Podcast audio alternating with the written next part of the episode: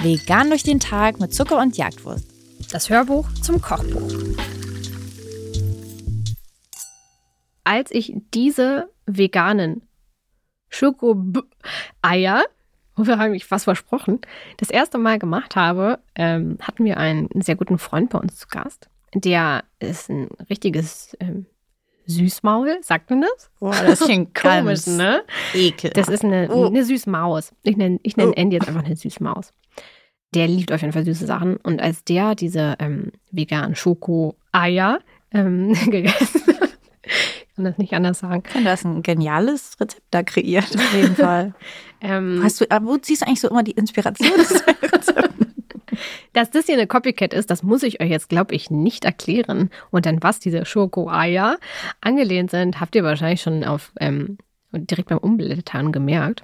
Jedenfalls, als ich dieses Rezept das erste Mal gemacht habe, war jedenfalls Andy, unser guter Freund, zu Gast, der süße Rezepte sehr liebt. Und der hat, glaube ich, gefühlt wirklich 20 Stück davon gegessen. Es war auf jeden Fall so absurd. Der hat sich eins nach dem anderen reingeschaufelt und meinte, hm, ähm, die schmecken wirklich wie das Original.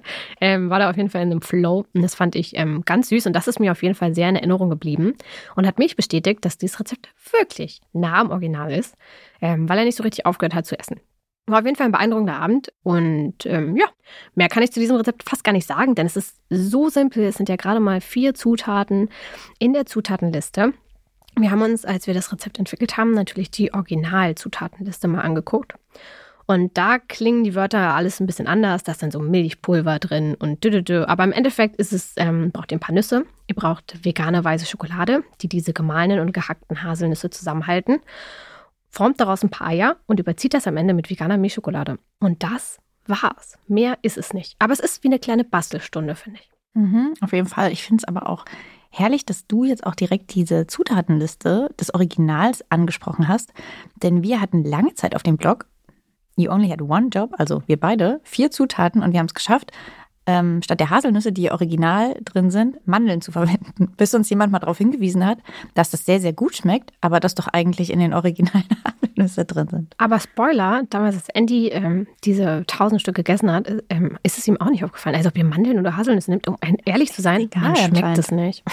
Es macht wirklich keinen großen Unterschied. Aber gehackte Haselnüsse bekommt man besser als gehackte Mandeln. Ja, das kann gut sein. Ähm, ich glaube, wir hatten auch einfach wahrscheinlich nur die eine Sorte da und dachten, ach, wir machen das jetzt einfach für das Rezept, es fällt nicht auf. Und dann haben wir es auch so reingeschrieben, wie wir es gemacht haben.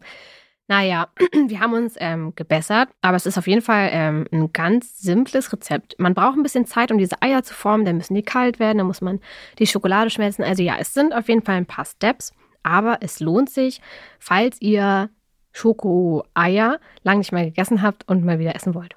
Ich finde, der schwierigste Punkt ähm, tatsächlich in dem Prozess ist dann das Ende eigentlich, das Trocknen der Schokolade.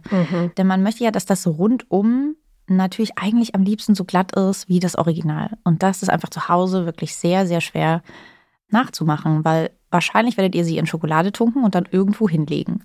Dann müsst ihr aber eigentlich euch schon, also entweder nehmt ihr sowas wie Backpapier, ehrlich gesagt, davon werdet ihr es gut wieder abkriegen. Dann verteilt sich aber unter Umständen natürlich diese Schokolade, die noch runterläuft und dann habt ihr auch keine, kein richtiges glattes Schokoei. Also das ist auch ein bisschen ärgerlich. Auf einem Gitter kann man das auch machen. Dann muss man es aber auch wirklich so ein bisschen wenden, damit es da nicht dran klappt, weil ansonsten reißt ihr euch unter Umständen die Schokolade wieder ab. Ich habe es einmal gemacht, das ist aber auch ein bisschen aufwendiger.